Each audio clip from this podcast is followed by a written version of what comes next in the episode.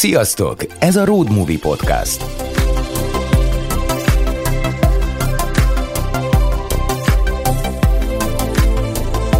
Utaz velünk két hetente egy órán át, hiszen itt van minden, ami utazáshoz, kalandhoz vagy világjáráshoz kapcsolódik. A Road Movie neked szól. Ha már úton vagy, társad leszünk.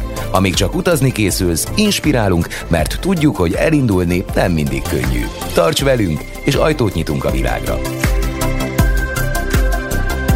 A Road Movie-t megtalálod az összes podcast platformon. Adásaink elérhetőek a drive.hu weboldalon, illetve a Drive magazin és a Road Movie Podcast közösségi oldalain. Két havonta pedig még több tartalmat találsz vendégeinkről a MOL töltőállomásokon ingyenesen elérhető Drive magazinban.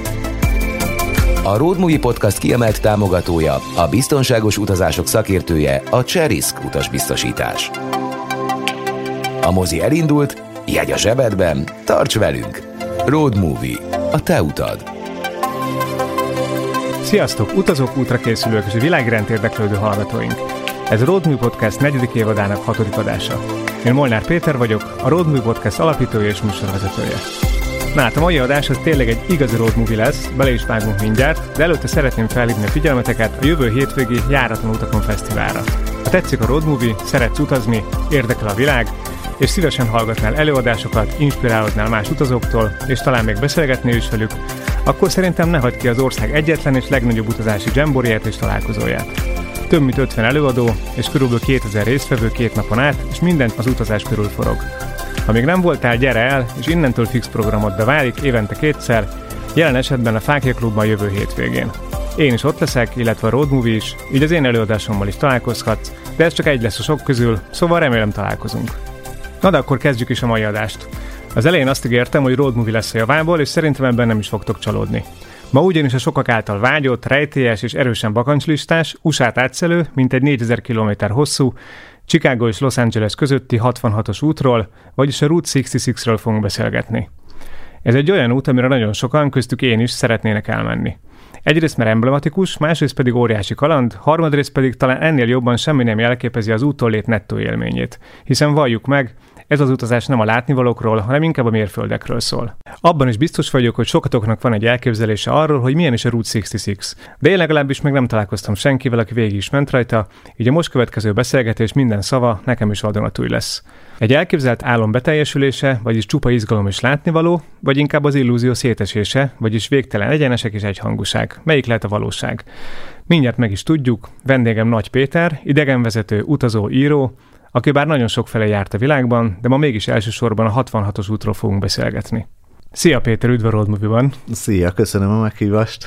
Napi rendelőtti kérdés, a felvezetőben mondtam, csak gyors válasz, aztán kifejtjük egy álom beteljesülése vagy szétesése a 66-os út. Mm, szerintem beteljesedése. Beteljesedés? Nem csalódtam. Na, na nem pont olyan volt, amire számítottam, de hogy így szerintem nem is baj, hogyha néha az ember nem annyira ássa bele magát előre azokba a dolgokba, hogy mit várjon, mert hogy sokkal jobbak voltak azok a részek, amitől nem nagyon vártam semmit. Hogy Igen, inkább, ez... inkább abszolút pozitív élmény volt. Tök jó felvezetés a beszélgetéshez, olyan, mint egy film, nem? Hogyha azt mondják, hogy menj el a moziba, nézd meg egy filmet, és csupa jót mondanak előtte, olyan magasak lesznek az elvárásai, hogy biztos csalódsz, viszont ha nem vársz semmit, akkor onnantól kezdve jellemzően csak kellemes meglepetések érhetnek. Mm, igen, így utazások alatt egyébként rájöttem két dologra is. Az egyik az, hogy tényleg mikor nagy elvárásokkal mész, akkor nagyon benne van a levegőbe a csalódásnak a lehetősége, illetve a másik oldal is, hogy elhatároztam, hogy nem fogok ilyen utazós blogokat nagyon olvasni, mert hogy ebben mindenki csak a saját élményét írja le, tehát azt fogja leírni, ami ő vele történt. Ez Peruba történt velem, hogy túlolvastam magamat, és akkor elmentünk Limába, ami kiderült, hogy egy szuper jó hely,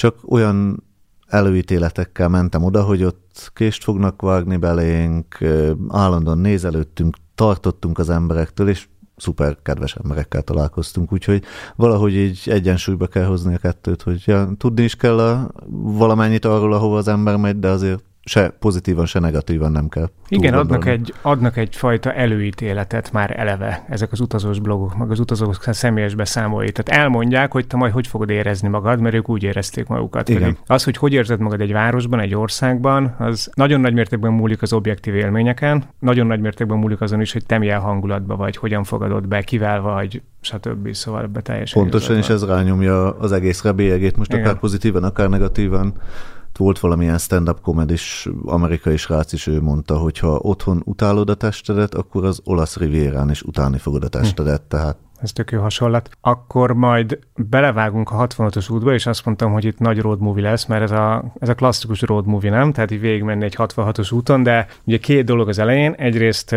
szerintem sokan nem ismernek, bár akik a járatlan utakon fesztivál jártak, azok lehet, hogy találkoztak már veled, illetve talán most is fogunk találkozni. Jössz a fesztiválra? Tervezem, hogy kijövök, id, idén nem fogok előadni, tavaly az utolsón ott tartottam egy előadást pont a 66-os útról. Előtte egyszer a Húsvét-szigetről beszéltem, a legelső alkalommal pedig Dél-Kelet-Ázsiáról, úgyhogy háromszor adtam elő, de idén is szerintem, hogyha időm engedi, akkor mindenképpen kijövök, mert ez egy szenzációs rendezvény, Igen. és nagyon sok érdekes emberrel lehet találkozni, érdekes történeteket hallani. És talán érdekes ezt neked obszerverként ott lenni, és nem pedig résztvevőként, hanem csak külső mm, megfigyelőként. Másik oldal is izgalmas, Igen. így van. Hogy mondj egy pár szót magadról mit kell tudni rólad? Azon kívül, hogy 66-os úton végigmentél, soha nem vagy itthon. Legalábbis amikor legutóbb beszéltünk, az elmúlt hetekben beszéltünk telefonon, te éppen vagy a svájci alpokban voltál, vagy éppen indultál valahová, holnap is mész valahová.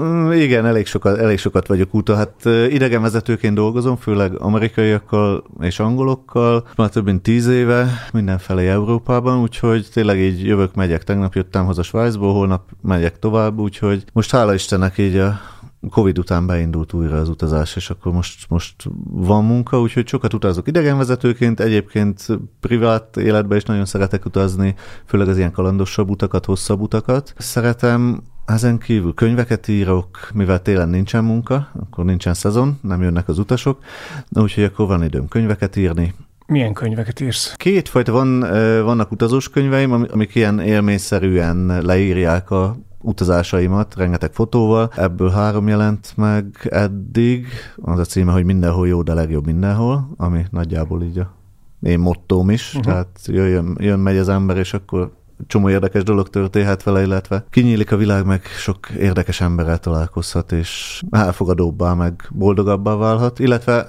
nem tudom, nekem az a, az a véleményem, hogy inkább élményre költse az ember a pénzt. Úgyhogy egy barátoknak és szüleimnek is, hogyha nem tudom, születésnapjuk van valami, akkor élményt adunk egymásnak. Ez lehet valami pici dolog is, tehát el lehet menni bowlingozni, de lehet egy utazás is. Szóval valami, ami, ami úgy, úgy, úgy megmarad. Úgyhogy vannak utazós könyvek, illetve vannak novellás kötetek. A Kiúton címmel volt az első könyvem, hát ez most már lassan tíz éve, hogy megjelent, és a legutolsó ez meg egy sorozat első része, az a cím, hogy Én idők, és történetek vannak benne az év minden napjára. Mert hogy nagyon sokan mondták, hogy nincs idejük olvasni, szerintem meg mindenkinek van, aki rászán egy pár percet a napjából, úgyhogy ezek ilyen öt perces történetek. Elolvasod reggel, gond, akarsz, gondolkodsz rajta, akarsz, nem? De hogy sok időt nem veszel. Valós, me- veled megtörtént történetek, nem. vagy fikció? Ezek fikció. Fikció. Fikciók, de ilyen mindennapi életről szóló. Uh-huh. Tehát nem utazásról feltétlenül? Nem utazásról, hanem teljesen. mindennapi dolgokról. Van, ami a cseresznyespitéről szól, van, ami a Csernobili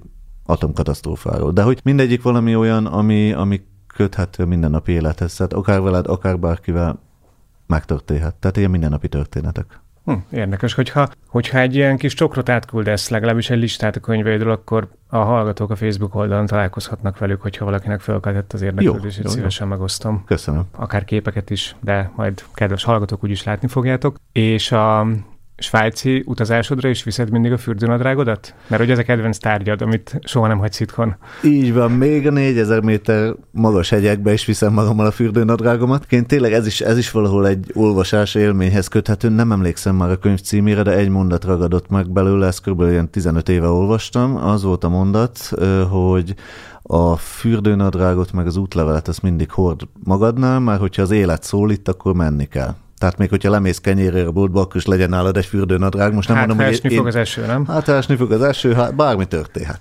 De hogy ez ilyen extrém módon nem viszem magammal, de egyébként utazáshoz mindig fürdőnadrág. Van egy nagyon szép.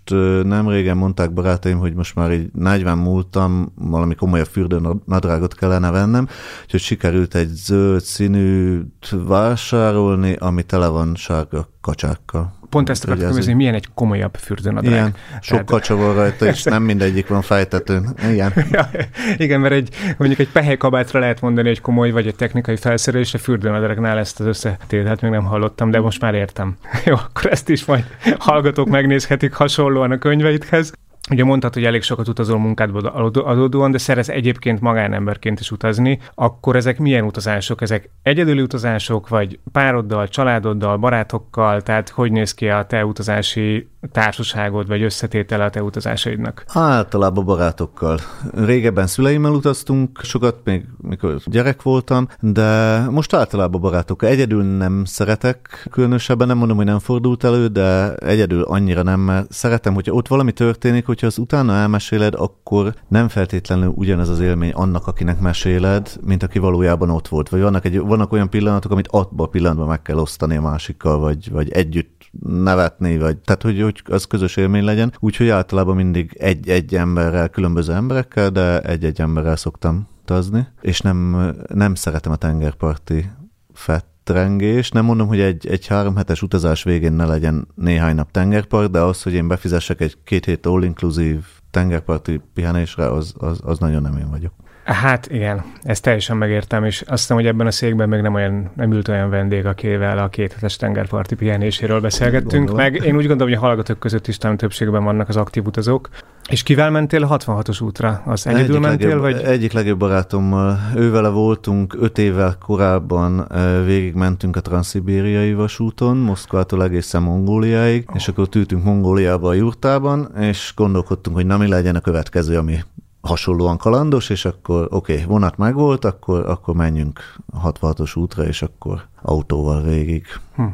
Tehát két epik út meg volt neked, mert azt gondolom a Transzibériai és a 66-os út, az tényleg két olyan út, ami nagyon sokaknak bakancslistája rajta van, és nem is tudok, hát van persze a Karakorum Highway, meg azért vannak még utak, amik ilyen, ilyen nagyon emblematikusak, meg sokan szeretnének végigmenni rajta, de hogyha így kettőt kéne mondani, akkor szerintem legtöbben ezekre gondolnának. Igen, szerintem is, úgyhogy, úgyhogy ezért, ezért gondoltunk erre. Hát még van egy Kanadán keresztül vezető vonatút esetleg, ami ilyen, ilyen hosszabb, meg hát ez a régi hippi út, ami Londonból indult, és talán Indiába ment, de hogy ez most mennyire létezik, vagy mennyire járható, vagy, vagy azt, azt, azt nem tudom. De ami tényleg így viszonylag könnyebben megcsinálható, vagy ahova viszonylag könnyebben el lehet utazni, ez tényleg a transzibériai, meg a, a 66-os út Amerikában. Ugye említetted, hogy egy barátoddal voltál. Ez egy hány, mennyi ideig tartott összesen? 23 nap volt 23 összesen. napig. És a transzibériai?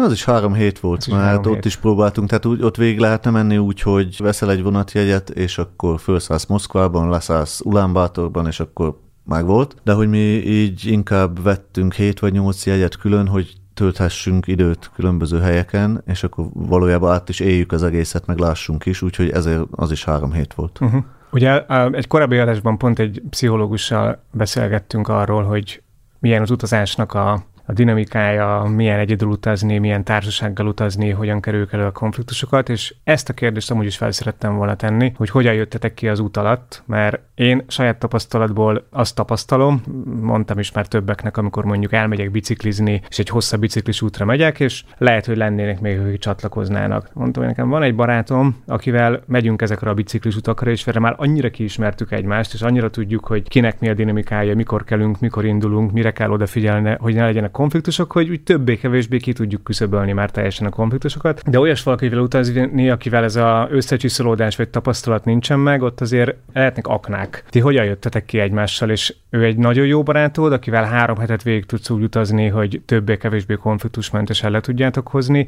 vagy voltak azért a könyvben, ahogy olvastam, akadtak konfliktusok az útnak egy, egy részén, ezeket mennyire tudtátok kezelni? Egyébként ezzel teljesen egyetértek, hogy, hogy attól, hogy valaki jó barátod, meg attól, hogy valakit szeretsz, az nem jelenti azt, hogy tudsz is vele utazni, vagy hogy így, így hosszú, hosszú időre össze vagytok szárva. Tehát nekem is vannak olyan barátaim, akiket nagyon-nagyon szeretek, meg nagyon sok időt töltünk együtt, de nem mennék el velük két hétre, három hétre, mert tudom, hogy nem működne a, a dolog. Ő vele nagyon régi barátok vagyunk, tehát középiskola óta, illetve középiskolában nem szóltunk egymáshoz, már nem voltunk egymásnak szimpatikusak öt évig, aztán valahogy egyetemen meg mégiscsak máshogy alakult a dolog. Tudom, hogy mi tudunk együtt utazni például ő vele. Azért is, amit kérdeztél, hogy, a, hogy volt-e konfliktus, persze három hét alatt mindig van egy olyan napja az embernek, jó esetben csak egy, amikor, amikor semmi se jó, amikor olyan saját magad elviselhetetlen vagy, de hogy ő vele ezt tudjuk tolerálni, tehát előre tudjuk, hogy ez a nap ez el fog jönni, ő nála is, nálam is, hogyha szerencsések vagyunk, akkor ez két különböző napon fog történni, és akkor hagyjuk a másikat, hadd legyen a kis, küzdjön a szellemeivel a kis világába, és kis távolságot tartunk, aztán másnapra minden jó lesz. Tehát nem megyünk bele a konfliktusokba. Amúgy meg ő is teljesen az a én, én sem különösebben szoktam idegeskedni, nem szoktam aggódni utazás alatt. Innentől kezdve olyan igazi konfliktusról arról nem tudok mondani semmit, mert ez nem volt, ez uh-huh. nem történt. Az apró dolgokat meg, hát hadd had küzdjön magával, vagy ő hagyott engem, hogy hadd küzdjek magammal, aztán három óra múlva mentünk tovább. Tehát. Igen, ez egyébként egy alapigasság, hogy az idő az nagyon jól meg tudja oldani az ilyen utazás közben, vagy általában az élet nagyon sok területén kialakuló konfliktusokat, nem csak utazás közben. Tehát, hogyha ez nem egy olyan mélységű dolog, ami ne segíthetne néhány óra duzzogás, vagy néhány óra egyedüllét, érdekes módon az ember tényleg néha csak egy fél óra vagy egy óra elég visszamegy, és teljesen másképp látja dolgokat, úgyhogy ez, ez, ez valóban egy jó tanács. Na hát akkor 66-os út én itt a bevezetőben elmondtam a legfontosabb tudnivalókat, sarokszámokat, ugye ez 4000 km hosszú út, valamikor az 50-es, 40-es, 50-es években építették, hogyha jól tudom. Így van. És ugye Chicago és Los Angeles között megy, ami egykoron, vagy talán még mindig a, a leghosszabb országút, egybefüggő országút volt. Ugye ez tette a 66 igazán híressé. De mit kell tudni még erről az útról, amit amit meg ez, ez volt az első, hogyha jól tudom, akkor ez volt az első olyan út, ami tényleg így nagyjából átszállta az amerikai kontinenst, és akkor ezért is hívják az országutak anyjának, mert hogy minden, ja, akkor még nem voltak ezek a hatalmas autópályák, hanem tényleg ez volt az egyetlen lehetőség, és akkor megindultak az emberek nyugatra, tehát volt egy ilyen, már akkor, mikor ezt valójában arra használták, ami, amire utakat használni kell, akkor volt egy romantikája, hogy ilyen nagy kocsikkal megindultak, és akkor keresték a szerencséjüket, vagy nem tudom, mentek aranyat mosni Kaliforniába, vagy éppen valamit a boldogulást keresték.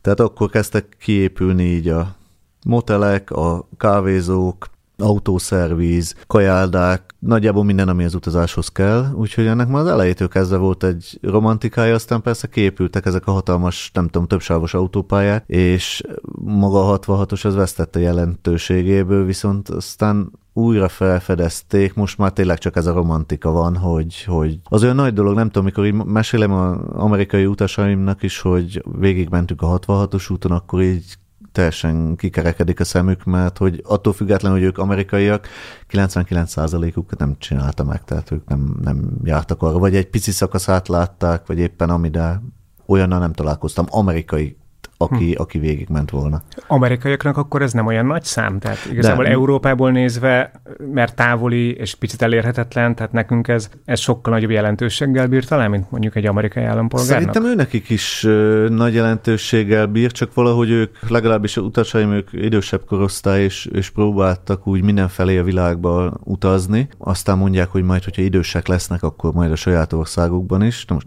nyilván 70-80 évesekről beszélünk, de hogy talán, pont ez a mondat tartja őket fiatalon, hogy ha majd idősek lesznek, ők ezt így látják. Hát magasabb az átlag életkor valószínűleg, mint Magyarországon. Így van, meg nem aggódnak annyit, meg na, tehát más, más, más Meg, meg másképp élnek az amerikai nyugdíjasok valószínűleg, mint a magyar nyugdíjasok, tehát ők még meg is tehetik 70-80 évesen, hogy egy ilyeneknek kivágnak. De szerintem őnek is egy, egy hatalmas dolog ez a 66-os út, csak valahogy nem szánták rá magukat. Tehát látom rajtuk a, ezt az egész romantikus, fölcsillan a szemük, meg van kötődésük hozzá. És ugye említetted az előbb, amikor bemutatta az utat, hogy ugye volt egy fénykora, egy tündöklése, pont amikor épült ugye 40-es, 50-es években, amikor igazából ez volt az egyetlen országút, ami Chicago-t és Los Angeles-t összekötötte, tehát tulajdonképpen keresztül Amerikán más mód nem igazából volt. Akár csak a középső tájakra, vagy a keleti partról a nyugatira, hogy el lehessen jutni. Aztán ugye jöttek a többsávos autópályák, nyilván jöttek az elérhető áru belföldi járatok, gondolom ez is jelentett egyfajta konkurenciát, és akkor vesztette jelentőségéből, majd mostanában újra élet, és ennek kapcsán engem nagyon érdekel, hogy amikor, amikor rámész az útra és elindulsz rajta, akkor ez egy, ez egy élő út, értsd az élő alatt azt mondjuk, hogy ha Európában mész egy autópályán, akkor érzed, hogy itt valóban élet van, hiszen forgalom van rajta, ráépült az infrastruktúra, vannak benzinkutak, vannak városok, megállók, ahol találkozhatsz utazókkal, és a tranzit forgalommal is szerintem az is élővé tesz egy utat, hogy valódi funkcióját tölti be, és egy ilyen pesgő élet van rajta, nem tudom másképp mondani. vagy inkább egy múzeális hangulata van, és inkább azt érzed, hogy, hogy visszaépültek az éttermek, visszaépült az infrastruktúra, de ez inkább már az utazóknak szól, és inkább annak szól, hogy tegyünk úgy, mint amilyen volt ez mondjuk 50 évvel ezelőtt. Szerintem picit az utóbbi, illetve attól függ, hogy melyik szakaszán vagy éppen. Az első szakaszon, tehát hogy Chicagóból elindulunk, ott tényleg a régi 66-oson valójában azon az aszfalton, azon az úton megyünk, és ott van a több, több olyan dolog, ami a régi időkre emlékeztetett, régi szervizek. Nyilván ezek van, amelyik működik, van, amelyik nem, de mondjuk amelyik nem működik, azok is nagyon szépen meg van csinálva, és akkor ilyen kis múzeumot, mini múzeumot rendeztek be benne. Vannak ilyen ikonikus helyek, ahova, amit meg kell nézni, nyilván nem, tehát Amerikáról beszélünk, nem a világ legnagyobb kastélyát kell megnézni, hanem a világ legnagyobb kecsapos üvegét, meg ilyen, ilyen dolgokat, de hogy ez tartozik a, a 66-os úthoz. Az, hogy mennyire élő, hát most egy, nem tudom, kicsit sántító hasonlat, kéne élni, akkor azt mondanám, hogy olyan, mint mikor a 80-as években Szombathelyről elindultunk a Kispolszkinkkal, és a Békés megyei rokonokhoz eljutottunk egy teljes nap alatt, a mindenféle falvakon keresztül országúton. Tehát nem Budapesten keresztül, nem Budapesten hanem keresztül, hanem Balaton északi park, Dunaföldvár, és akkor mindenféle falvak, és, és Kispolszki.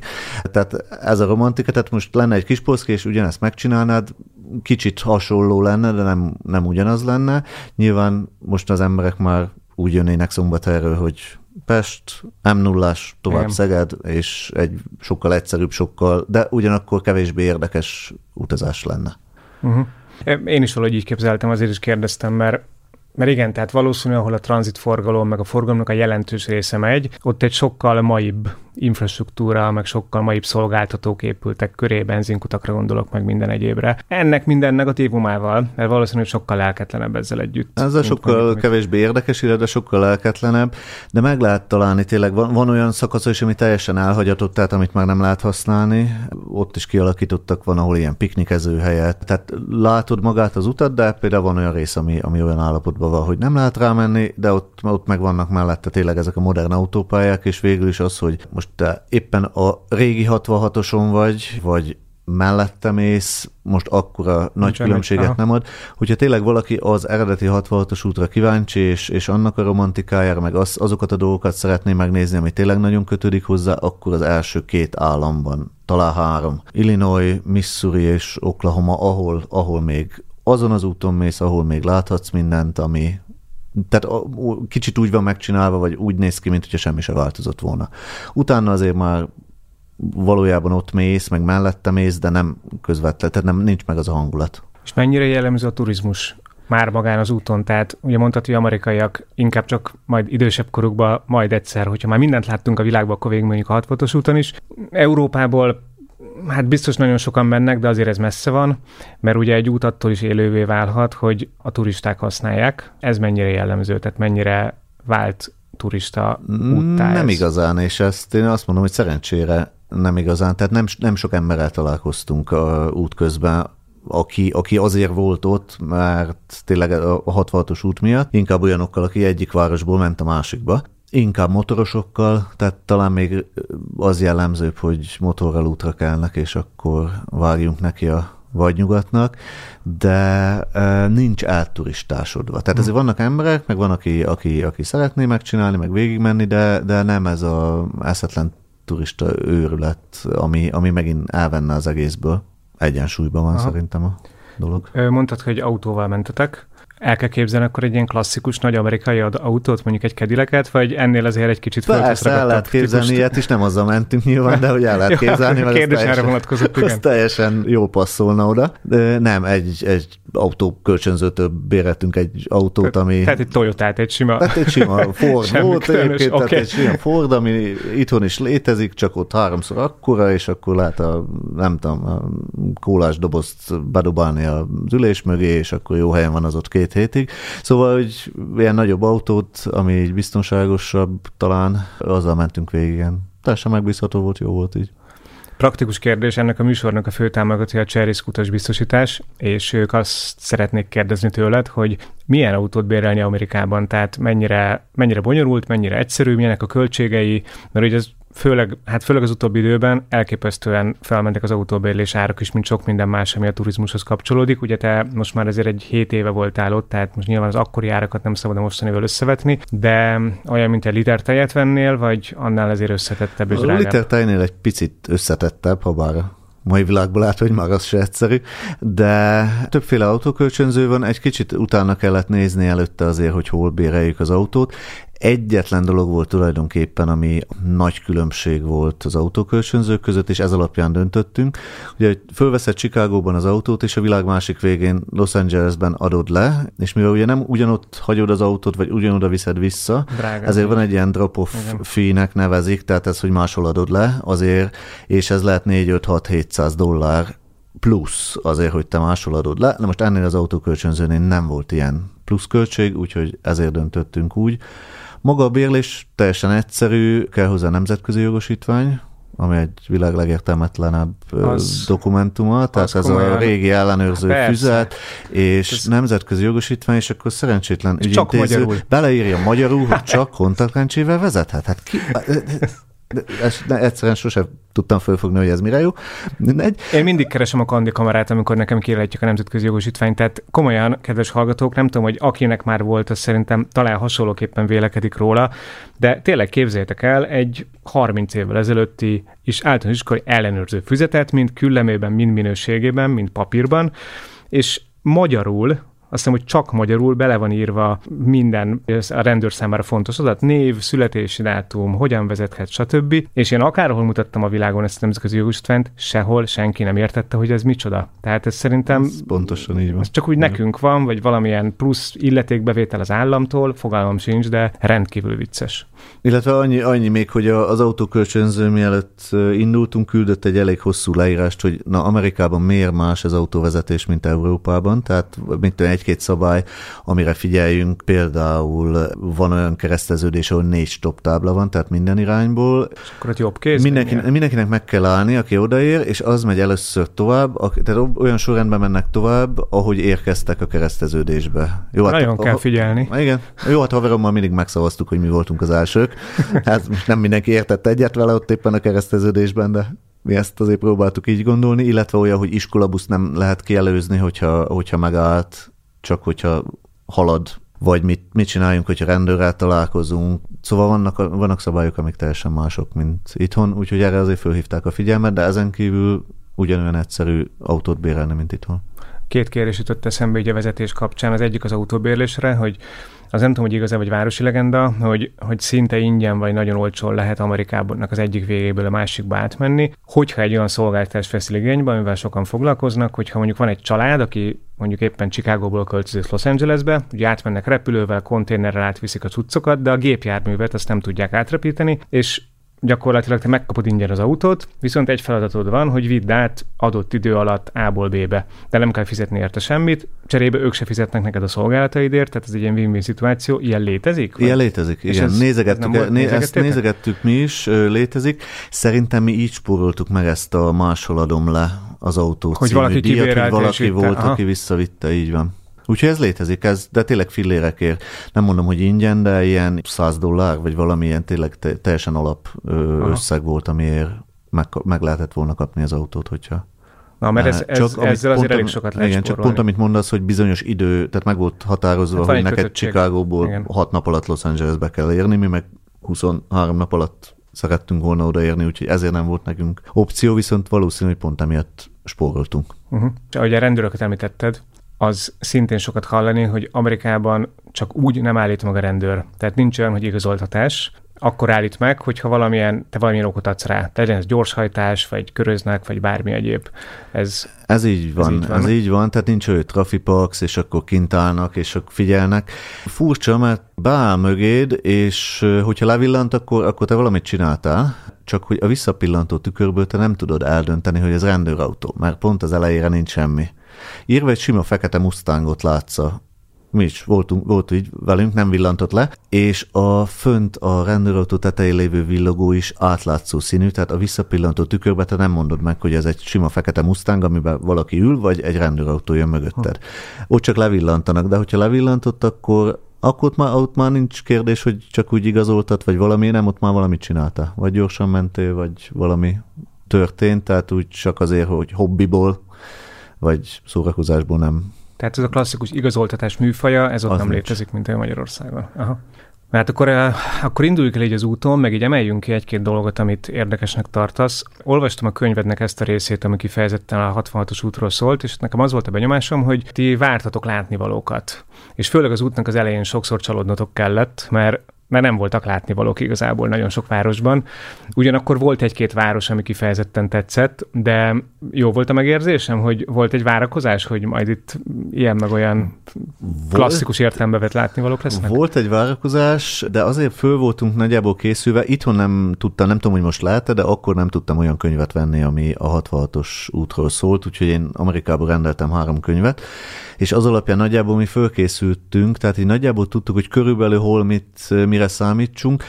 Ami talán az egyetlen csalódás volt, az a nagyvárosok. Tehát a nagyvárosoktól most azt mondom, hogy Los Angelesen kívül nem kaptunk semmit, inkább a kis helyek, a vidék, a természet, illetve az apró pici látnivalók az út mentén, akár a klasszikus dolgok, akár a később épített dolgok, de maguk a városok, azok én többet vártam.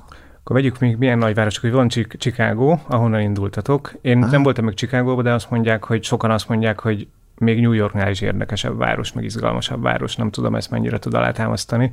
Én elfogadom a véleményüket, egyáltalán nem értek egyet, de hogy tök jó, akkor örülök, hogy ők jól érezték jó, te, te nem így, okay. Én nem, nekem, nekem csak lehet, hogy a rossz idő miatt is, vagy nem tudom, de hogy így nekem nagyon unalmas volt az egész illetve másik ilyen nagyváros volt Oklahoma, City. Oklahoma, Kansas, Las Vegas, Los Angeles. Azon kívül Los Angeles, tehát mm. ja, Las Vegas, de hát Las Vegasban meg az más, az egy külön, az külön fejezet lesz, mert arra kíváncsi vagyok, ott azért voltak kalandjaitok. Igen, hát ez valószínűleg arról van szó, amit a beszélgetés elején említettük, és egyet is értettünk benne, hogy a hangulatod, meg az, hogy a fejed milyen állapotban van, az befolyásolja, hogy egy város mennyire tetszik. Én sem tudom elképzelni, mert én kétszer voltam New Yorkba, de nekem katartikus élmény volt ez a város, tehát New York nekem is, tehát semmi pénzre nem költöznék oda, de hogy a világ egyik legérdekesebb Jó városa, ahol, ahol én jártam. Tehát így nagyon szívesen visszamennék, nem tudom, októberben faleveleket rugdosni a Central Parkba, és ez így boldogá tenne.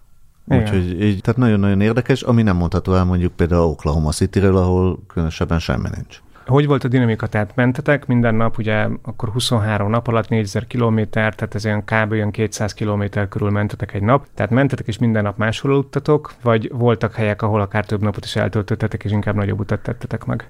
Egy-két hely volt, ahol, ahol több időt töltöttünk, de tulajdonképpen két, nem, három szállásfoglalásunk volt a legelső éjszakára Chicagóban, legutolsóra Los Angelesben, illetve a Las Vegas-i szállást foglaltuk le, a többi az teljesen spontán volt. Tehát nagyjából úgy csináltunk egy úti tervet, hogy honnan, meddig, hány kilométert kell menni, de úgy voltunk vele, vagy, és szerintem így nagyobb élmény az egész, hogy nincs, nincs a hajtás, nincs megmondva, hogy most estére oda kell érni. Abszolút. Itt ennyi időt kell tölteni, tehát attól, hogy én idegenvezető vagyok, én az, az boldog vagyok, hogy megmondom másnak, hogy 20 percig pisilhet, de nekem nem mondja meg senki. Na. Szóval úgyhogy az, ez a másik oldala. Úgyhogy teljesen spontán, amikor sötét lett, akkor találtunk egy motelt az útszélén, és akkor, akkor aludtunk ott éppen, ahol voltunk. És ebben benne van az is, hogy hogyha valahol tetszett, ott lehet, hogy mi csak két órát terveztünk, de ott voltunk egész nap. Ha valahol nem tetszett, de lehet, hogy egy fél napra beírtuk az úti tervbe,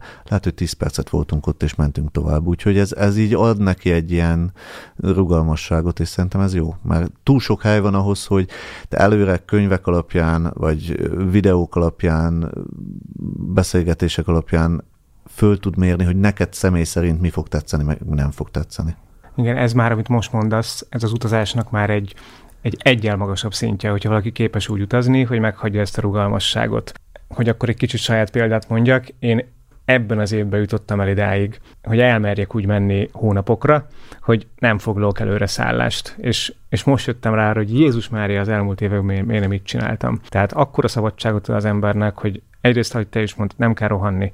És hát valljuk meg, vannak városok, nekem mondjuk Jereván volt ilyen, oda mentem, tök sokat vártam tőle, dögunalom volt. Akkor miért csak ott négy napot? inkább akkor megyek tovább, és egy éjszaka vagy kettő is elég lesz, és nézek olyan helyeket, amik meg érdekesebbek lehetnek, úgyhogy, úgyhogy ezt abszolút adom. Igen, szerintem így, így, ez teljesen szuper, és, és az, hogy most kinek mi tetszik, az teljesen az embertől függ. Tehát most éppen olyan, mint nincs, hogy valaki szép, vagy valami szép. Neked szép, nekem szép, nekem csúnya, neked csúnya. Tehát nem ugyanazok a dolgok tetszenek, nem ugyanazok az emberek tetszenek, nem ugyanazok a városok, vagy éppen ahogy mondtad, a hangulattól függ, hogy most ez nekem tetszett, vagy nem, de hogyha dögunalom, akkor miért kényszerítsem magam egy kedvenc, amit legjobban utálok kifejezés, akár utikönyvekből, akár műsorokból, ez a kötelező látnivaló. Ó, igen.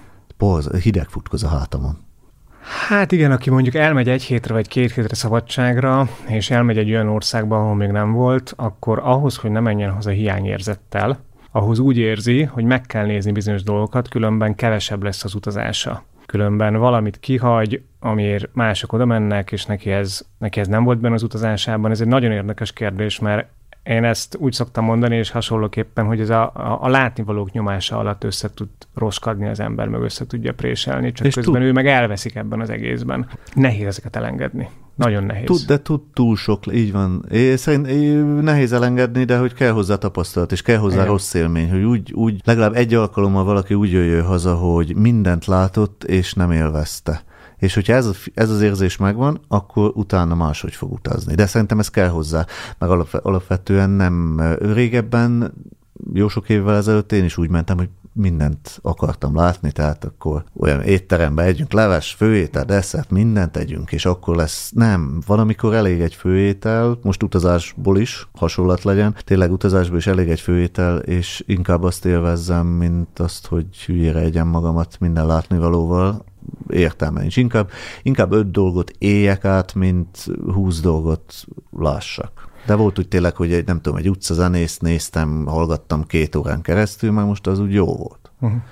Hát hogyha kötelező látnivalót említetted, akkor, akkor ezen a vonalon maradva, de ne kötelező látnivalónak hívjuk. Hogyha ezt a retorikát használjuk, akkor azt gondolom, hogy ezen az úton a Las Vegas, Grand Canyon, Mojave sivatag, mondjuk ezt a hármat emelném ki, ami így nekem, hogyha mennék, akkor legnagyobb várakozásokkal ezekre tekintenék, és ehhez képest neked mik voltak azok, vagy mesélj akár ezekről a helyszínekről, mert egyrészt ezek is érdekesek, másrészt mik voltak azok, amiknél nem vártad, hogy szép lesz, vagy érdekes lesz, és mégis adott esetben több időt maradtatok ott. É, ahol, ahol nem vártam túl sokat, illetve hogy őszinte legyek semmit, el sem tudtam képzelni, az például új Mexikó volt. Ugye ez, a, ez az út, ez nyolc államon megy keresztül. Most ugye elképzeli az ember, nem tudom, hogy Texas az, az hogy nézhet ki, meg mivel fogott találkozni, vagy Kalifornia, vagy Nevada, Las vegas de mondjuk új Mexikóról semmi. És nekem az egy nagyon pozitív élmény volt, tényleg ezek a beértünk Új-Mexikóba, és, és ez a végtelen égbolt, felhők, hatalmas, hülye hangzik, de ez a hatalmas táj. Tehát amikor annyit látsz, hogy így, így alig bírod befogadni. Nekem új Mexikó az ilyen nagyon pozitív csalódás volt. Nem mondom, hogy egymás mellett vannak a látnivalók, de maga na ott, a, ott volt a legjobb autózni. Ahogy elmondod, úgy képzelem, magának az autózásnak, az utólétnek a hangulata talán ott volt a legigazibb. Menni, igen, igen. Tehát ott, ott megállni nagyon nem kell, tényleg van egy-két hely, Santa Fe, egy-két ilyen régi indián település, de hogy olyan különösebb, hatalmas látnivaló nincs, ott az úton, úton lenni. Hm. Nagyon jó. Úgyhogy ez volt szerintem az egyik ilyen, ami, amitől semmit nem vártam, és így nagyon pozitív volt. Meg volt egy uh, Texola Toxola, vagy Texola? Texola, Texola igen. egy szellemváros, amiről írtál a könyvedben. Engem az nagyon megfogott, hogy egy ilyen igazi vadnyugati hangulatú szellemváros, ahol ördögszekereket fúj a szél, a szalon ajtót kicsapod, és bent ülnek a, ülnek a helyiek. Ez tényleg így, ez, ez a kérdésem, hogy így kell elképzelni, és ez mennyire volt mesterséges, vagy ez tényleg egy ilyen város? Kétfajta ilyen szellemvárosban is voltunk, az egyiket Galinának hívták, az egy élő város volt, tehát nem úgy volt szellemváros, hogy senki nem lakott ott, hanem tényleg ez a, ez a csönd, meg az ördögszekér, meg a fújja port a szél a főutcán, az olyan volt, de hogy ott volt élet. A másik, amit említettél, az tényleg egy olyan város volt, ami valamiért elnéptelenedett, de olyan, mint hogyha nem tudom, csak elbújtak volna az emberek. Jó, persze roskadozó épületek, beszakadt tető, de tényleg a kóbor kutyán kívül mással nem találkoztunk, úgyhogy az ördögszekér az ott. Mekkora ördög? város kell elképzelni? Tehát hogy képzeljük ezt el? Ez mondjuk lakosság számban akár kb. vagy, 2000, vagy egy magyar 2000 fős. Tehát ez pici. Aha. Aha. Tehát egy pici, pici város, de valamiért teljesen így, így mindenki elköltözött. De hogy maga a város meg ott van. Egy kicsit olyan, mint egy de nem mesterséges, tehát teljesen természetes fák kezdenek kinőni az épületekből, vicsorgó kutyák jönnek ott az autót követve, ételre áhítozva, tehát ilyen, ilyen kicsit félelmetes is volt, de, de volt egy ilyen nagyon izgalmas hangulata. A másik, ez a berugom a kocsma ajtaját, ott az, az egy élőbb, élőbb Aha. város volt. És ezekre számítottatok? Tehát tudtátok, hogy ilyen lesz, vagy meglepetésként értem, amikor megérkeztetek ezekbe Hát a volt egy elképzelésünk, hogy körülbelül milyen lesz. Nyilván soha semmi nem olyan, mint ami ennek elképzeli az ember itthonról ülve.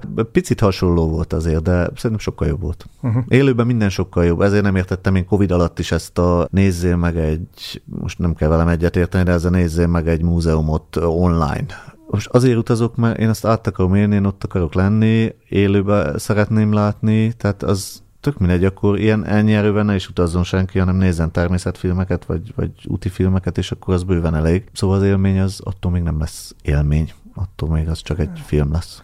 Hát ez így van, és szerintem erre sokan rájöttek a Covid alatt, amikor mondjuk erre volt lehetőség, tehát nagyon nem lehetett akkor elmenni személyesen, de mondjuk egy múzeumban menés, vagy egy színházba menés, mert ugye azt is nagyon sok esetben lehetett online megnézni, az nem feltétlenül darabról szól, vagy a képekről szól, hanem az egész körítésről. Oda hmm. megyünk, szépen felöltözünk, beszélgetünk, sétálunk, utána beülünk valahova, iszunk egy kávét, vagy megvacsorázunk, megbeszéljük, amit láttunk, vagy éppen teljesen másról beszélgetünk, aminek komplex program, aminek egy szelete, egy óra abból a múzeum, de az összes többi a lényeg, szerintem, vagy hát nagyon sokszor legalább annyit tesz hozzá. Úgy van az utazással is. Ugye a megérkezés, tehát hogyha valóvá megérkezel egy városban, ami tetszik, vagy egy látnivalóhoz, az odáig vezető út már önmagában, vagy az onnan elvezető út lehet akkora élmény, ami talán túl is mutat azon. Vagy mert előtte, előtte az az időszak, amikor elhatároztad, hogy elmész, és akkor utána hónapokig álmodozol róla, tervezel, igen. utána olvasol. Igen. Tehát már maga az a, az a boldogság része, nem csak a két hét vagy három hét, amíg, amíg ott vagy, és akkor hazajössz, utána akkor még akkor megnézegeted a fényképeket, mesélsz ennek, annak, amannak, újra áttélet, tehát ez, ez egy sokkal hosszabb dolog, mint maga az az időszak, amíg uh-huh. ott mhm. vagy. Igen, ez nekem is a felkészülés az már majdnem utazás. Tehát amikor megnézel videókat, megnézed a szállásokat, elképzelhető, hogy ott fogsz lakni, tehát ezzel nagyon szépen ki lehet terjeszteni az utazásnak az élményét. És ezért jó szerintem nem utazási irodával menni, mert ott, ott ez elveszik, tehát ott nem te készülsz fel. De az egyéni utazók ezt tudják, hogy ez mennyire sokat ad hozzá.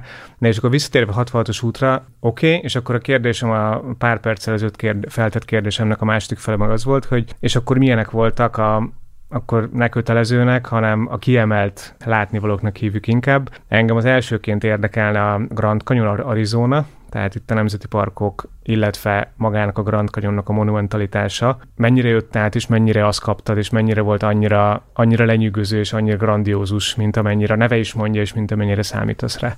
Ugye az útnak az a része, amikor beér az ember arra, a, tehát a nyugati részre, a régi vagy nyugat, Arizona, természetileg az volt a, a legszebb. Ugye Arizona tele van nemzeti parkokkal, de még mindenképpen szeretnék visszamenni, mert jó, jó párat láttunk, ami ott volt a 66-os úton, vagy közel volt hozzá, de azért még nagyon sok van, ami szerintem szuperül néz ki. Ami nekem legjobban tetszett... ezek milyen nemzeti parkok? Tehát ezek inkább erdős területeket kell elképzelni, kiránduló útvonalakat kell elképzelni, vagy inkább ezt a kietlen kicsit... Mm, teljes, kicsit teljesen különböző talán. Tehát voltunk egy ilyen, úgy hívták magyarul, hogy a festett sivatag, ez is Arizonában van, ott például az egy teljesen kipusztult táj, tehát nincsenek növények, viszont a, a kis dombok, ilyen sivatagszerű, tehát kősivatag az egész, és a földrétegeket látod különböző színekben, a vöröstől a hófehérig minden, tehát ez tényleg olyan, mint egy ilyen nagyon furcsa sütemény, és akár már mhm. nézel. Úgyhogy az ilyen volt, akkor voltunk egy ilyen megkövült fák erdeje, ami több millió évvel ezelőtt megkövesedett fák voltak benne, az is egy teljesen furcsa élmény volt. A kettő, ami nyilván legjobban tetszett, ez a Grand Canyon volt, illetve a Monument Valley-nek hívják, ez Arizona és Utah határán van. Az, amelyik minden amerikai filmben, ilyen vagy nyugatos filmben van, hogy ott szaladnak előtte a kovbolyok, meg az indiánok, meg nagyjából minden Karmai könyvnek az elején az volt. Az volt egy hatalmas élmény. A Grand Canyon visszatérve a kérdésedre sokkal jobb élőben, mint bármelyik fotón vagy videón attól féltem a legjobban, mert ez, ez, ez megint az a hely, amit annyiszor látott mindenki könyvekben, fotókon, videókon, filmen, hogy önkéntelenül valami hatalmasra számítasz, és odamész, és rájössz, hogy ez sokkal jobb, mint, mint bárhol. Sokkal nagyobb képtelenség olyan fotót csinálni, ami, ami visszaadja ezt az egészet. Tehát, hogyha nagyjából számszerűsíteni kellene, azt mondanám, hogy tízszer akkora, mint amekkorának én elképzeltem.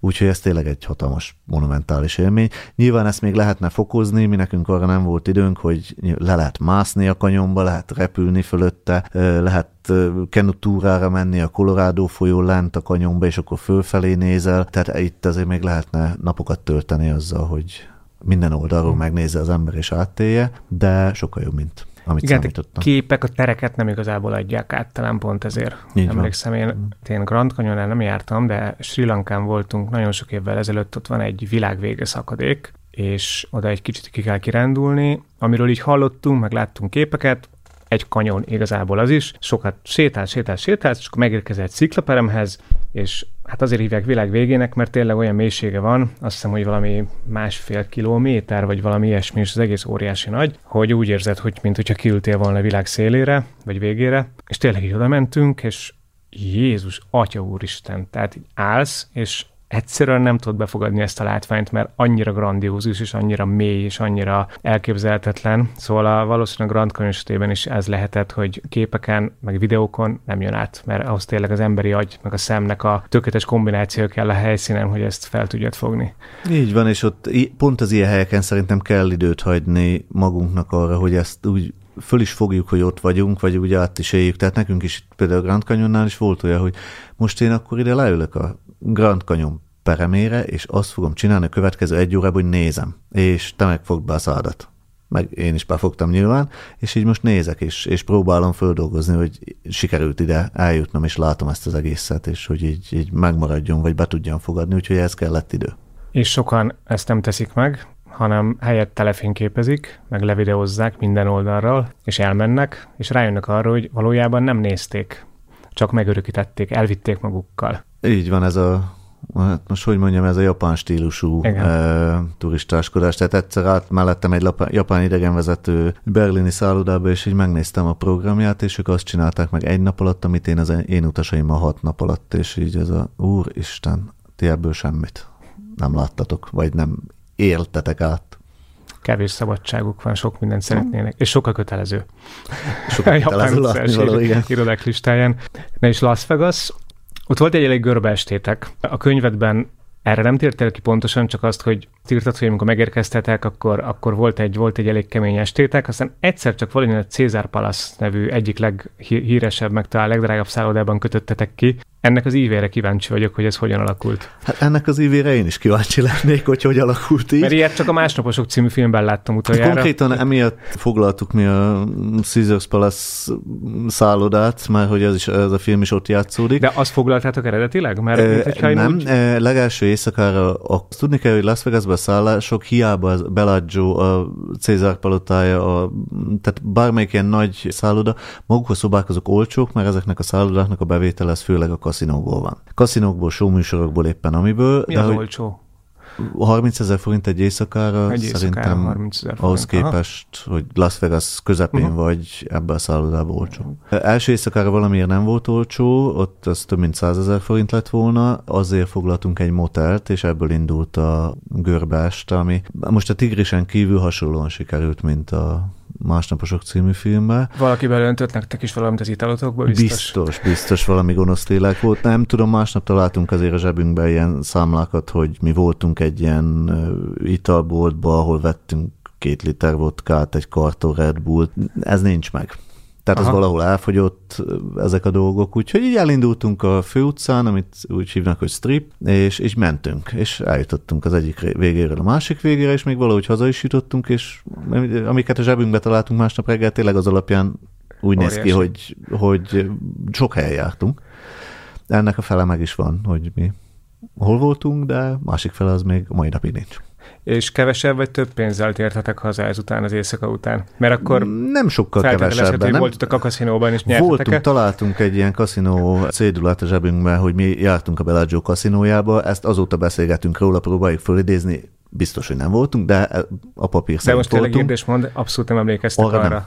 Arra részre Aha. nem. Azt tudom, hogy... És egyikőtök sem, tehát mind a kettőtöknek filmszakadás. Egy, ott annál az volt, és egy momentum van meg, a legrosszabban elköltött 40 dollárunk. Bementünk egy szórakozó helyre, ahol ez az all you can drink volt, hogy fizetsz 40 dollárt, és akkor azt ihatsz egész este, amit akarsz. Szóval mi bementünk, megéreztük az alkoholszagot, és mondtuk, hogy jéggel csapvizet adjon, adott, megittuk, és kimentünk. Tehát ez, ez volt 40 dollár. Oh. Ez, ezt nem jól költöttük el. De ez még az elején volt, vagy ez már az Ez estének? már végén. Ez, ez már a végén. Igen. Aha, hát nem akkor kellett volna betérni. Lehet, hogy az elején mentetek volna be, akkor kellett volna kezdeni. praktikusabb lett volna. Meg lehet, hogy még több pénz maradt volna a zsebetekben, bár lehet, hogy még kevesebb dologra emlékeznétek. Jó, hát akkor nem kérdezek az estéről, hogy hogyan telt ez az este, mert hiszen az emlékek Órá, nincsenek órákat meg nem tudnék mesélni róla.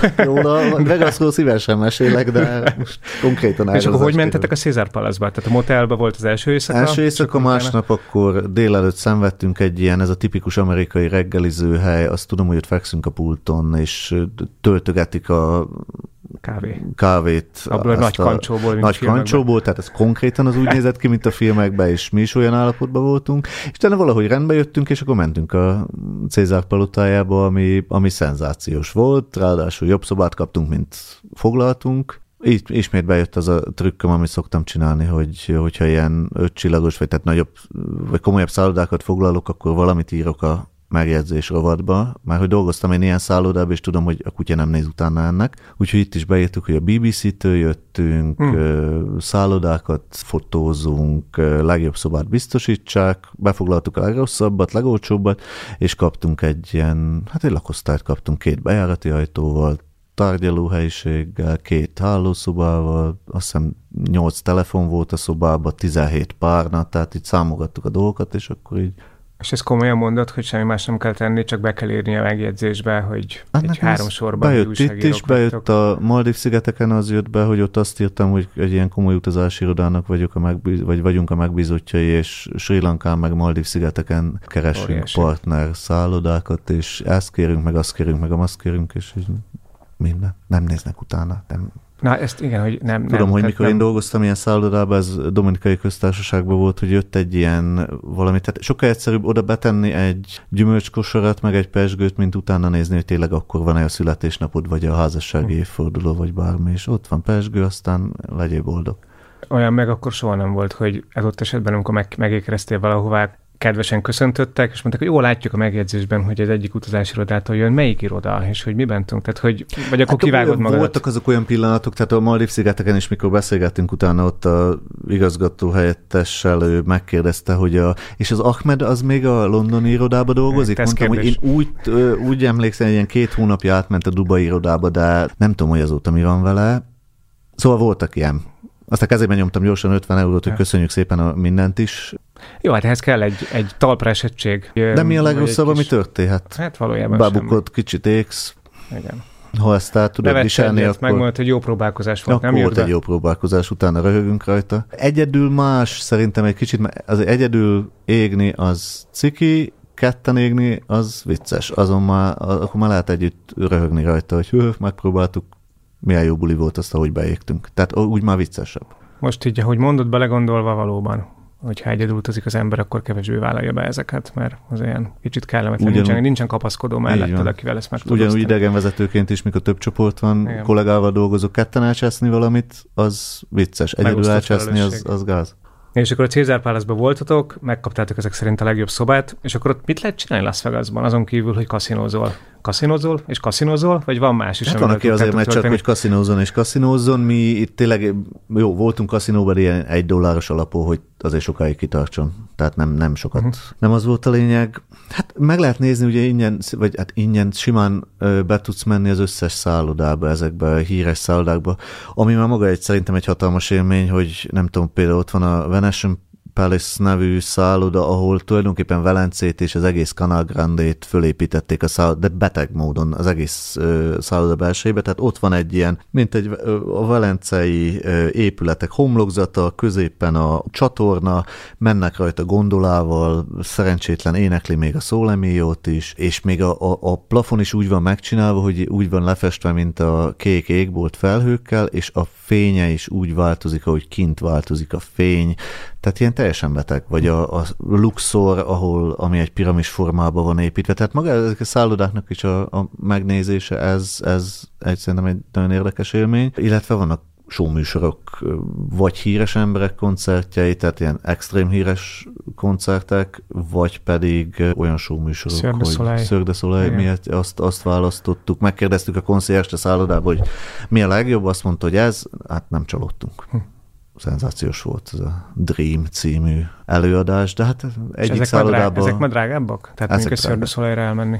Hát ez ilyen 200 dollár volt fejenként. Ja, hát ez azért... mert ugye itthon is volt. Itthon is du hasonló. nem azért ennyibe. Ja, ennyibe nem, tehát itt, itt van talán ilyen 20 ezer forint, hát Aha. most ott mennyi? 60-70 volt. Ezért nem, ezek nem olcsók. De hát a más, minden szállodában van valami műsor, vagy, vagy egy show műsor, vagy pedig nem tudom, egyikben a Celine Dion lépett föl, a másikba a David Copperfield varázsolt, harmadikba a Britney Spears lépett föl aznap este, tehát így tényleg ezek a, odahozzák ezeket a nagy sztárokat, hogy hát pont ezért, hogy vonzák az embereket, és akkor már elmegy show műsorra, akkor már kaszinóba is ott hagy egy csomó pénzt.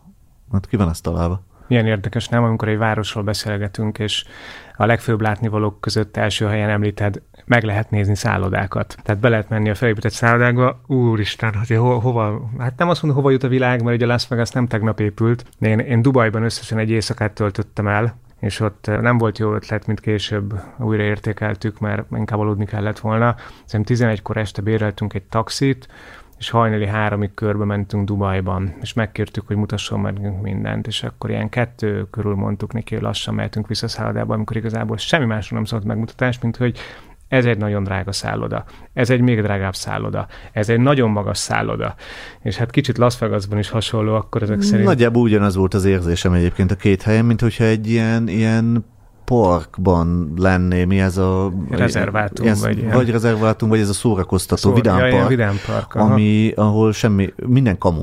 Hát igen, tehát ez a Dubajban is ez a belső beltéri sípálya, ahol 40 fok van kint, bemész, mínusz 7 fok kapsz, jacket, meg sílécet, meg mindent, és siálsz bent egy épületbe, tehát beteg az egész. Ugyanez a ökörség megy tulajdonképpen Las Vegasba is, tehát egyszer szerintem szenzációs élmény, de mondjuk két napnál, két éjszakánál többet nem töltenék ott, mert nem igazi látnivaló, hanem az egész egy ilyen mű dolog, viszont tök jó dolgokat lehet csinálni. Uh-huh. Tehát onnan hoztam a legjobb ajándékot például a barátaimnak, vagy a szeretteimnek. Van egy ilyen M&M's csokibolt, és összeválogathatod a különböző színű M&M's-eket, beöntöd egy, egy ilyen pohárba, beöntöd egy gépbe, és négy szót beírhatsz a gépbe, és egyesével minden M&M's-re rányomtatja. Tehát a szót a... vagy a betűket, amiből össze lehet rakni a szót? Ö, a szót. Tehát a szót. mondjuk, hogy kiválasztom azt a négy szót, Rövid hogy szó. Super Podcast Péter, köszönöm, akkor Én egyesével köszönöm. rá fogja nyomtatni minden egyes M&M's-re, és szerintem a legjobb ajándék. Óriási. Egyébként tényleg nagyon jó ajándék, de annyira amerikai. Annyira amerikai, Tehát, annyira beteg. Oh. Hát hihetetlen, mint a nagy ketchupos üveg. Igen. És akkor ehhez képest milyen volt megérkezni? A, ugye mondtad, hogy Los Angeles nagyon tetszett, végül is. Tehát számítottál is rá, hogy tetszeni fog, és tetszett is. Úgyhogy itt még akkor itt az utolsó kérdés egyike, egyrészt milyen volt Los Angeles, és milyen volt a megérkezés. Tehát volt ennek egy olyan hangulata, mint amikor megérkezel a jó reménységfokhoz, végigmész Amerikán, és azt mondod, hogy úristen, akkor itt vagyok, megérkeztem. Vagy Afrikán, Amerikán? Afrikán. Van, van egy ilyen, Los Angelesbe, hogyha azokra a helyekre mész, ami tényleg érdekes, akkor egy, egy szuper jó város, tehát Beverly Hills, Santa Monica, ami, amik azért olyan tisztább, kultúráltabb helyek, mert azért megvan Los Angelesbe is az a része, ahova azért nem nagyon se, szépség nincsen benne, se nagyon nem kéne oda menni. De azok a részek tetszettek, meg izgalmas ez az egész filmvilág, meg hogy, hogy látod élőben azokat a helyeket, nem tudom, ahol a filmeket, különböző új híres filmeket forgattak, gyártottak. Maga a megérkezés az, az ilyen katartikus volt. Tehát most én azt mondom, hogy egy, azért egy-két könycsepp is így legördült, mert hogy mi megcsináltuk, és 23 nap alatt, és nem történt velünk semmi rossz tulajdonképpen. Azért ben van abba ebbe a, a road movie dologba, vagy ebbe az utazásba, hogy odaértél, és akkor valahol volt egy célod. Igaz, hogy maga az utazás volt a cél, de hogy azért a megérkezés az, az meg ilyen katartikus volt. Tehát letettük az autót, és akkor az utolsó szakasz az tényleg egy ilyen 300 méter Santa Monica-ba egy ilyen mólóra kell kisétálni, és a móló végén van a 66-os út vége. Úgy, hogy van egy hivatalos vége ennek. Aha, van Aha. egy hivatalos vége táblával,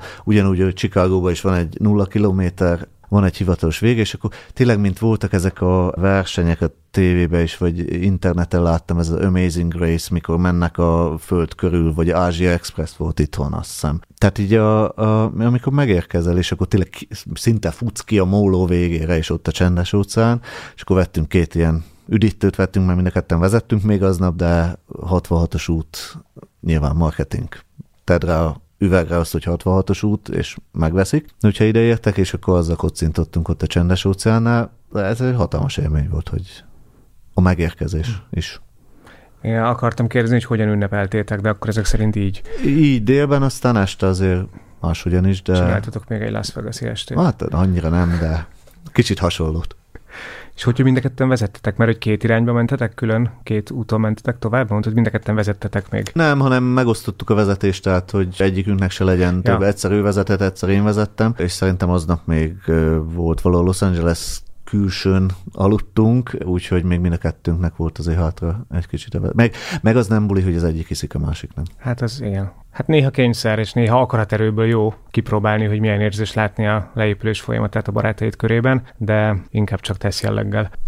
Hát Péter, nagyon szépen köszönöm. Itt a két záró kérdés maradt hátra, ami az első kérdés az a gasztronómia, amit azért Amerikában egy különös értelmet nyer, mert az embernek van egy elképzelése, megint csak azt mondom, hogy, hogy miket fog enni Amerikában, és eddig, akivel én találkoztam, annak az általában azt mondta, hogy igen, azt tettük Amerikában, amit te elképzeltél. Na de ehhez képest milyen volt a 66-os úton? Tehát, hogy megálltok a motelben, beültök ezekre a csíkos műbőr kanapés éttermekbe, jön a pincér, kijönti a kávét, és megrendelitek a hotdogot vagy a hamburgert, tehát egy tényleg ilyen ez? Ez tényleg ilyen, ez tényleg ilyen. Tehát nem mondom, hogy egy kulináris hatalmas gasztratúrát lehet ott, ott levágni Amerikában.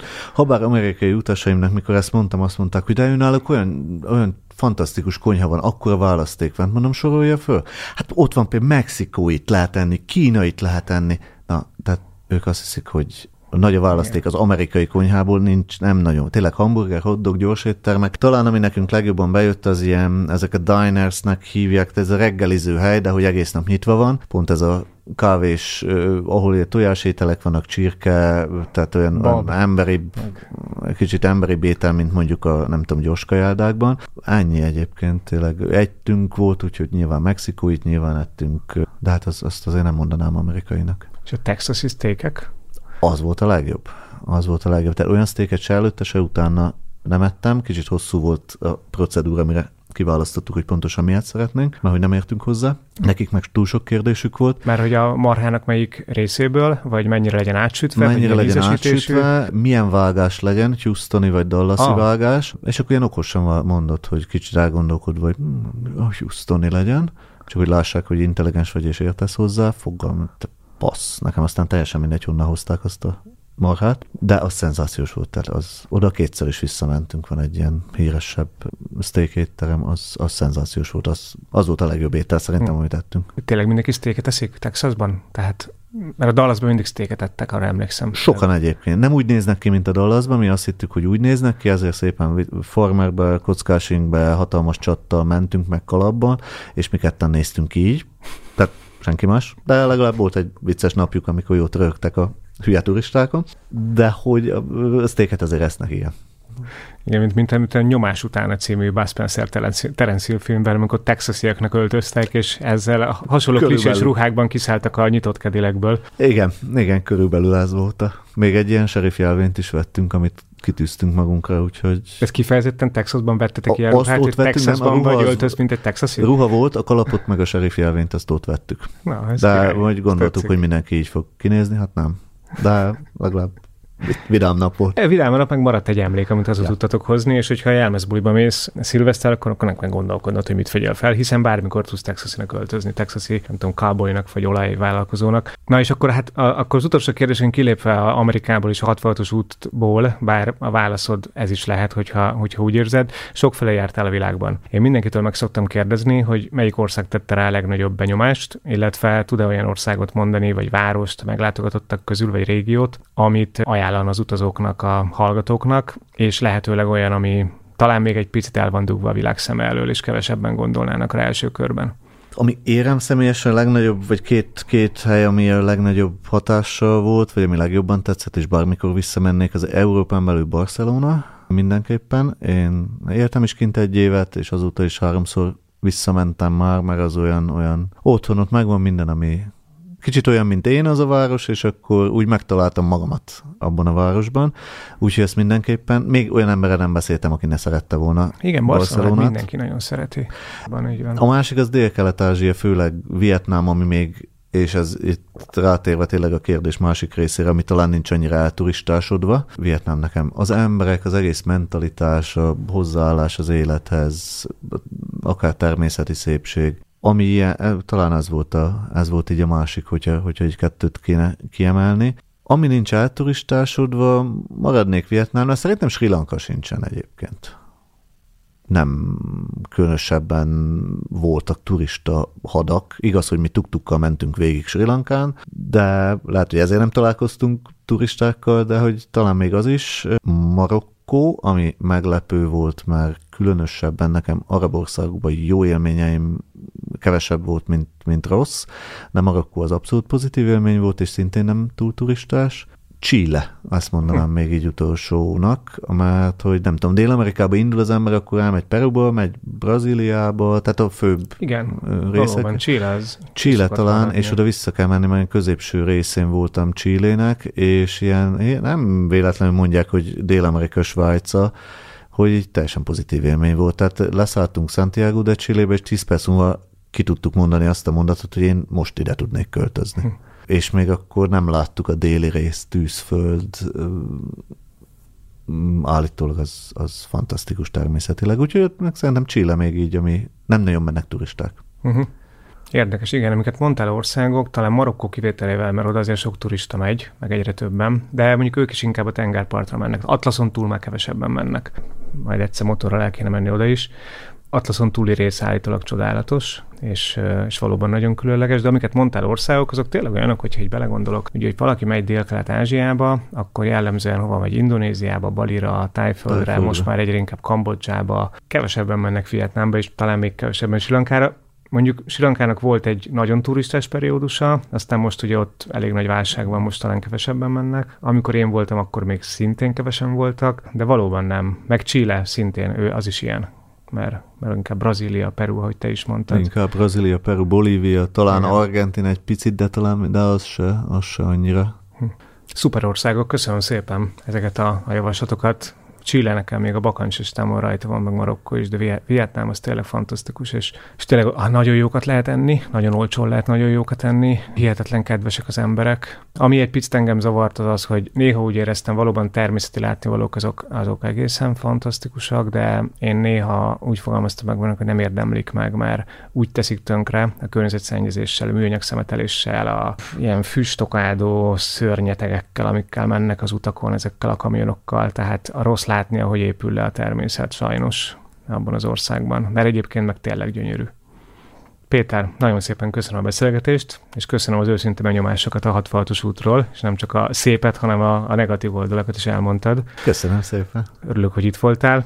És hát ugye, ahogy a beszélgetés elején említetted, azért voltak még egyéb emblematikus útjaid, úgyhogy nem vagyok benne biztos, hogy nem utoljára találkoztunk itt, mert a Transzibériai Expressre meg arra az útra én nagyon kíváncsi vagyok személyesen. Lehet, hogy majd még a Járatlódogon Fesztiválon beszélgetünk róla egyet, de még az is lehet, hogy a podcastben is hallhattok róla, kedves hallgatók. Köszönöm még egyszer, hogy itt voltál.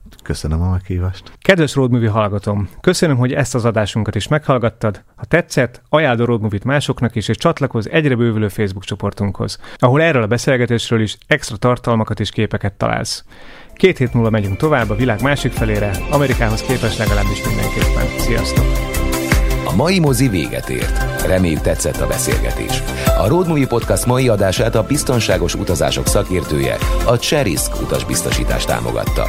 Köszönjük, hogy velünk vagy, hallgass minket legközelebb is. Addig pedig találkozzunk közösségi csatornáinkon. Mesélj barátaidnak is a nálunk hallottakról, és ne feled, Road Movie, a te utad.